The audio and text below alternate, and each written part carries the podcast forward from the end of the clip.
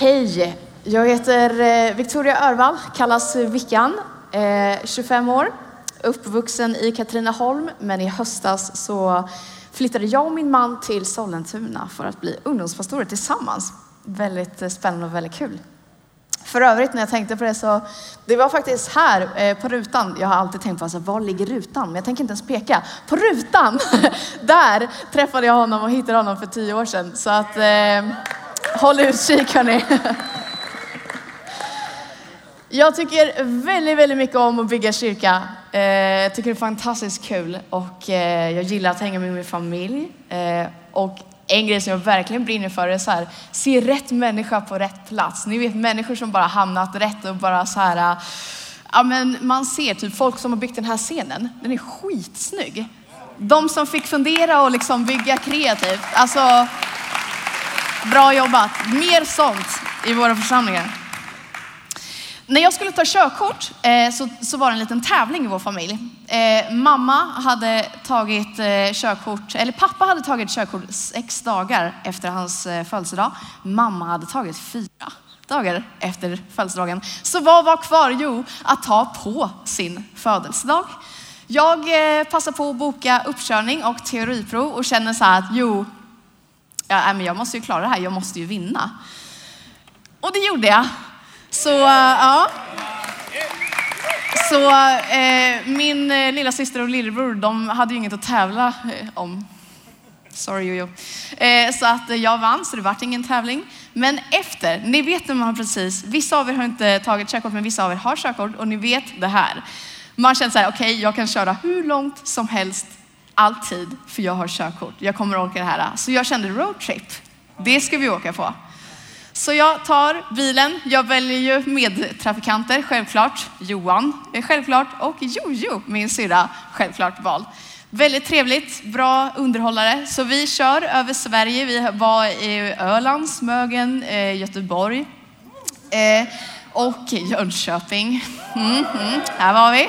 Och när vi var i Göteborg så tänkte vi så här, ja men vi måste, göra, vi måste åka till Europa också. Det vore ju väldigt coolt. Vi tar Köpenhamn eller Berlin. Vi tar Berlin. Grejen var bara den att det var bara jag som hade körkort. Så att det var jag som körde all den här sträckan. Och inte förrän vi liksom var på väg hem från Berlin så kände jag att det var så här, ja, ja, det kanske inte var det smartaste jag gjort i mitt liv. Jag hade ju kunnat valt en till person med körkort. Men eh, det ordnade sig. Jag hade ju inte kört så mycket och Katrineholm är ingen så här storstadsort direkt alls, vilket gjorde att jag inte ville köra i centrala Berlin. Så vi ställde undan bilen och så åkte vi kommunalt eh, de fyra dagar vi var där och sen var det dags att åka hem. Då sätter vi oss i bilen och sen så börjar vi närma oss en så här riktigt långt så här monumentpinne som jag vet ligger väldigt, väldigt centralt. Och så kände jag här vill jag inte köra alls. Kan, så är det okej? Okay? Egentligen hade jag velat gått ur bilen och bara säga, kan någon annan ta? För jag vill inte köra, men det kunde jag ju inte.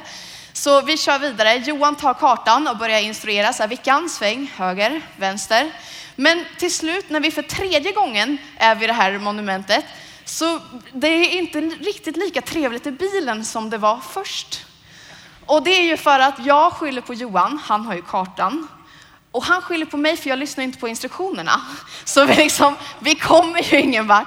Och till slut så hamnar vi tack och lov på en bensinmack. Man går in och bara så här, hjälpen är här. Hej ursäkta, det här låter ju som en helt sjuk fråga faktiskt, men hur kommer man ut ur Berlin? Och så får man ett så här liksom nollställt face tillbaks, för han kan ju inte engelska. Så ja, vi kom hem jag vet inte hur, men eh, ja, det löste sig. Så att säga, sorgligt men sant. Känner du igen det? Ja, jag hoppas att det är fler än jag som har stories som den här. Vissa av er har ju körkort, andra har inte det. Men ni kan ha varit med i en liknande situation när ni har börjat en ny skola. Har ni börjat liksom högstadiet tycker jag nog det oftast är. När man får ett schema och så får man liksom alla salarna och så bara, vad i hela friden ligger det här? Och vissa skolor är ju smarta och sätter liksom nummer som man åtminstone fattar vilken våning det är på. Det hade inte min skola. Eh, så jag fick liksom ägna de här tio minuters rasterna till att springa runt över hela skolan och försöka hitta till det klassrummet som man skulle vara på eh, nästa lektion. Grejen var bara den att jag hamnade liksom alltid i samma trapp för att magkänslan alltid sa höger. Och så, liksom, så, så hamnar man liksom bara där och var bara allmänt. Oavsett hur bra du är på att hitta eller inte så ska vi prata lite om vägen idag. Jag ska börja med att prata om en kille som heter Josef. Och grejen är så här, vissa av er som förmodligen har spenderat ganska mycket tid i kyrkan säger så här, Josef, drömmarnas konung. Och så har du sett en film alldeles för många gånger på söndagsskolan och känner så här, jag kan den storyn redan. Och så finns det vissa av er som känner så här, eh, ursäkta va? Till er. Det här är en av mina eh, alltså favoritpersoner, för jag inspireras så mycket av hans story. Så vi ska prata lite om vad Josef gör och varför han gör grejerna nu. Det första vi får läsa om Josef, som för övrigt finns i eh, Första Mosebok, eh, där. Eh, så det är bara att öppna Bibeln och sen hamna liksom där. Är att han vallar får. Och sen så går vi vidare till att eh, Josefs pappa, det såg ganska tydligt att han älskar Josef mer än sina bröder. Och han har liksom elva till, så det är så här, ah, jag vet inte riktigt, det var så himla smart, men det här gjorde ju att bröderna liksom inte kände att yay Josef, vi bondar. Den, den relationen var inte där. Och så drömmer han en dröm. Han är ute på ett fält och så eh, binder de ihop kärvar. Och Josef har en framför sig och hans eh, syskon står runt omkring honom, bröder. Och sen så böjer sig deras kärvar mot hans. Och han känner så här, ja coolt, jag berättar. Men bröderna blir ju bara så här, wow, du tycker att du är så himla mycket bättre än oss. Och nu blev det ju jättemycket bättre eftersom han började drömma drömmar som går i linje med det. Men sen drömmer han en dröm till som är ungefär likadan fast det är med stjärnor. Och sen så kommer solen och månen in också och de böjer sig också mot hans stjärna. Och jag vet inte riktigt hur, jag vill, Josef var smart. Det kommer vi upptäcka sen. Men det här är inte så himla smart om man har berättat en story som inte riktigt gick hem och så tar man en i samma linje och så berättar man den igen och bara ah, jag drömde en till dröm. Och han får liksom ännu sämre reaktioner än den första gången han berättade den. Så varför berättar man det gjorde han? Så det här gör att han har liksom så redan dålig eh, relation med sina bröder. Så dålig att när han en dag ska komma och möta upp dem när de är och vallar får så ser de honom på långt håll och bara ah, nu kommer Josef igen. Och jag har försökt lägga in för att förstå deras reaktion att kanske hade de inte ätit någonting på hela dagen. Och så. Men de tittar på honom och tänker så här, vi dödar honom. Ja, och har du en sån vän så ska du alltid ha choklad i din väska, för det hade varit katastrof om det var flera. Men de tänker så. Men det finns en brorsa som bara så här, ah, är inte det lite för långt? Jag tror att vi firar ner honom i eh, brunnen, där. Och så firar de ner honom. Men alla andra är så här, ja, ja, vi firar liksom så här. Det var så här, men vad är det där? Då kommer en karavan med en massa prylar som ska iväg till Egypten ett annat land. Vi säljer honom. Och då bara, va? Så här, ja, så här, ja, ja, det gör vi ju. Så här, firar upp killen. Vi säljer honom. Så de väljer att sälja Josef 17 år. Som slav. Schysst. Så han blir slav och han hamnar hos en eh, man som heter Potifar. Potifar var dock hovman hos farao, så han var liksom ganska högt upp i rang i Egypten. Så det var ett ganska fint ställe som han fick vara slav på. Och det står i kapitel 39 att Herren var med Josef och han blev en man som lyckades med allt. Ganska schysst att ha den med sig när man jobbar som slav. Så allt han gjorde där och allt han liksom tog ansvar för och jobbade med i Potifars hus, det gick svinbra för att Gud var med honom. Och Potifar såg honom och sa, men det är någonting med den där killen. Det är någonting, jag vet inte vad det är, men han är bra. Det är någonting över honom. Så till slut så får Josef ansvar för allting som Potifar äger och har och hanterar liksom allt i huset. Och det här gick ju så bra därför att Gud var med honom. Sen står det så här. Josef såg välväxt, var välväxt och såg bra ut. Aka skitsnygg, ni förstår. I vilken version skulle det i alla fall stå skitsnygg för varför inte skriva det som liksom är. Så då kommer Potifars fru och känner så här, tjena! Så här, ska vi ligga? Och han bara, nej, nej, tack. Liksom där, det är bra. Men hon kommer tillbaka och bara, men Josef! Och han bara, mm. nej. Men en dag så är de ensamma i huset och hon ser sin chans och tänker så här, den här dagen, den är ju som gjord, Josef. Och han bara, alltså du, Potifar har gett mig allt, allt han äger och har. Allt utom dig. Skulle jag svika hans förtroende? Skulle jag svika honom? Men framför allt, skulle jag synda mot Gud? Och då måste jag på, få passa på att flika in här. Hur lätt hade det inte varit för Josef att bara säga soft, vi kör. Eller hur? Det hade varit ganska lätt. Därför att han var utomlands, själv, ensam. Vad hade han att förlora? Han var slav. Men han kände, nej, det är inte rätt. Det är inte rätt mot varken Potifar eller mot Gud. Så han väljer till slut att springa därifrån. Ja, så kan man göra. Och man vet inte varför han springer heller, så här, bara för att han var frestad och tänkte så här, ja, jo, kan det här, eller, eller orkade han bara inte diskutera? Så det liksom blir så här, han sprang seriöst därifrån. Det är ett ganska kul svar. Det här gör att frun berättar för alla vad som har hänt. Fast tvärtom då. Så att det blir Josef som är den som försökte ligga med henne. Vilket gör att Potifar blir svinsur och slänger honom i fängelse. Man vet tyvärr inte hur länge Josef var i fängelse, men det är minst två år. Vad gjorde du för två år sedan? Kanske satt du här, men du vet liksom all den här tiden emellan, alltså två år, är ganska långt. Speciellt för någonting du inte har gjort. När han kom som fånge så kommer det igen ett ställe att föreståndaren ser Josef och tänker så här, men det är någonting, det är någonting med den där killen. Och än en gång så säger Bibeln att Gud var med honom och lät honom lyckas i allt han gjorde. Han fick ta hand om alla fångar och han fick ta hand om alla saker som behövde göras där.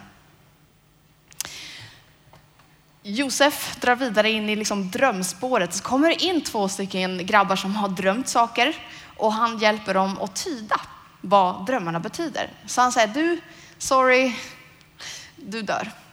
Men du kommer få jobba för hovet igen. Och så händer det. Så killen som ska dra från fängelset, han, till honom säger han liksom så här, du, snälla, snälla, snälla, när du får tillbaks ditt jobb, kan du inte liksom försöka så här, dra i några trådar? Jag är, alltså jag är inte ens i mitt hemland och dessutom har jag inte ens gjort det de har satt mig här för. Kan du liksom försöka göra någonting i alla fall? Och så drar killen upp tillbaka sitt jobb och glömmer bort. Oschysst. Efter två år så kommer killen ihåg honom. Därför att eh, farao har drömt en dröm som ingen kan tyda. Ingen fattar varför och han är så upptagen av att verkligen säga, men vad betyder min dröm? Och då bara, ding! Jag känner en kille, så två år senare, tack för den. Eh, det är en dröm som varnar om att det kommer bli jättemycket mat i sju år och sen kommer det bli svält i sju år. Och när farao äntligen får den liksom, översättningen till sig så bara, wow! grymt, tack! Så här, Josef du är bäst.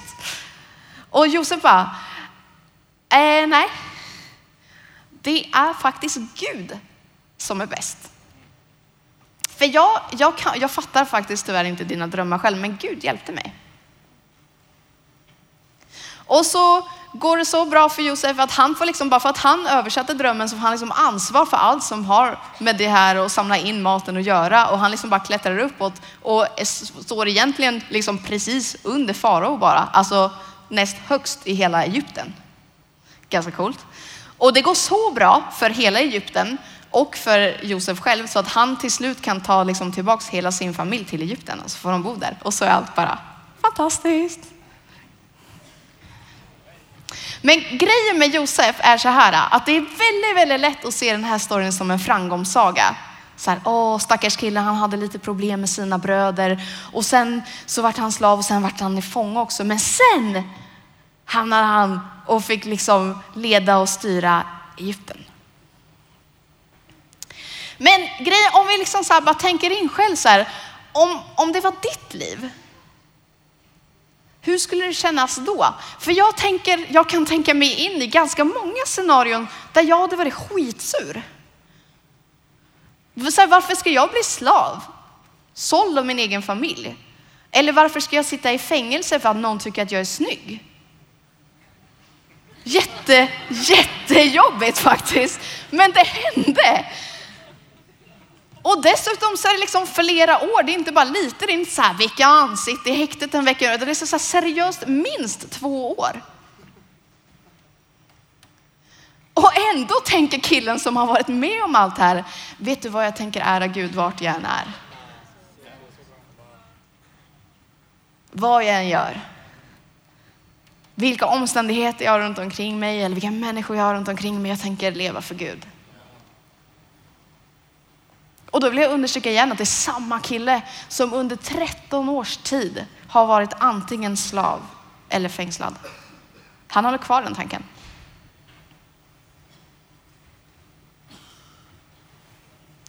Josef gjorde liksom ingen skillnad på så här, nej men är jag hemma, borta, kyrkan eller skolan? Är jag med mina kristna vänner eller inte? Det spelar ingen roll. Det spelar ingen roll om han var slav eller om han var näst högst i hela Egypten. Han levde för att ära Gud. Och grejen är att du också är inbjuden till att följa Gud. Och ära honom med ditt liv där du är. Oavsett hur det är. Och vägen till Gud är genom Jesus. Och Jesus blev precis som Josef oskyldigt dömd. Han hade inte gjort något fel. Men han blev korsfäst i alla fall. För din och min skull, för alla gånger som vi suger. När vi väljer fel. All den synd som jag bär på och som du bär på, den tog han på sig. Och genom det så öppnade han liksom vägen till Gud och gav oss möjlighet att kunna ha kontakt med Gud, någonting som inte var möjligt innan det. Jesus säger om sig själv att han är vägen, sanningen och livet. Och när han säger det så säger inte han så här, ja, ah, men det är, det är en väg som du kan ta. Nej, han säger vägen. Det finns bara en väg. Det är inte flera olika alternativ. Det är inte så här, mm, jag tar det som passar mig bäst. När det är min lovsång eller den bästa predikanten eller en fin kyrka eller typ en sån här scen. Då tänker jag lyssna och följa Gud. Det finns bara en väg och det är Jesus.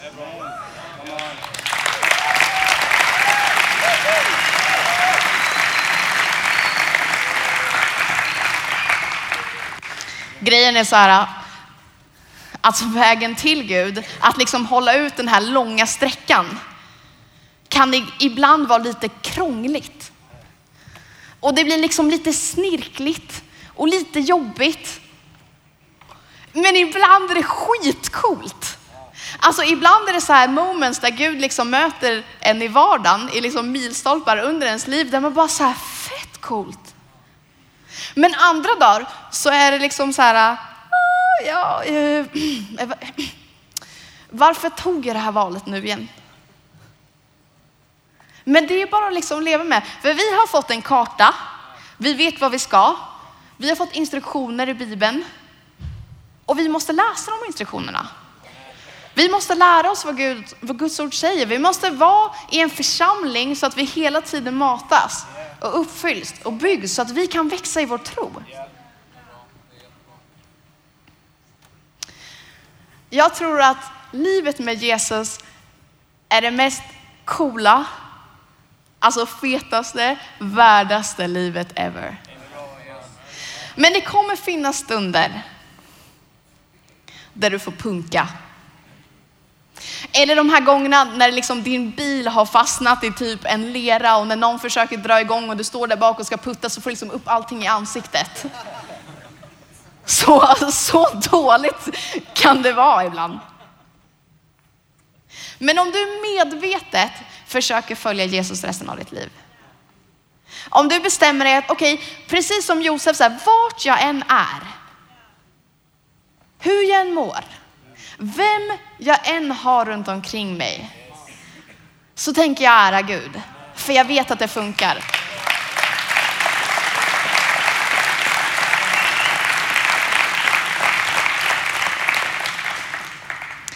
Så mitt tips är bara, tänk på Josef. Gör ditt absolut bästa i att följa Jesus där du är. Så fixar han resten. Jag ska avsluta med att läsa det här bibelordet. Johannes 14.6. Jesus sa till honom, jag är vägen. Kom ihåg, vägen. Det finns bara en väg. Sanningen och livet. Tänk att han liksom kan titulera sig som livet. Vägen, sanningen och livet. Det är den Jesus vi följer. Och ingen kommer till Fadern utom, honom, utom genom Jesus.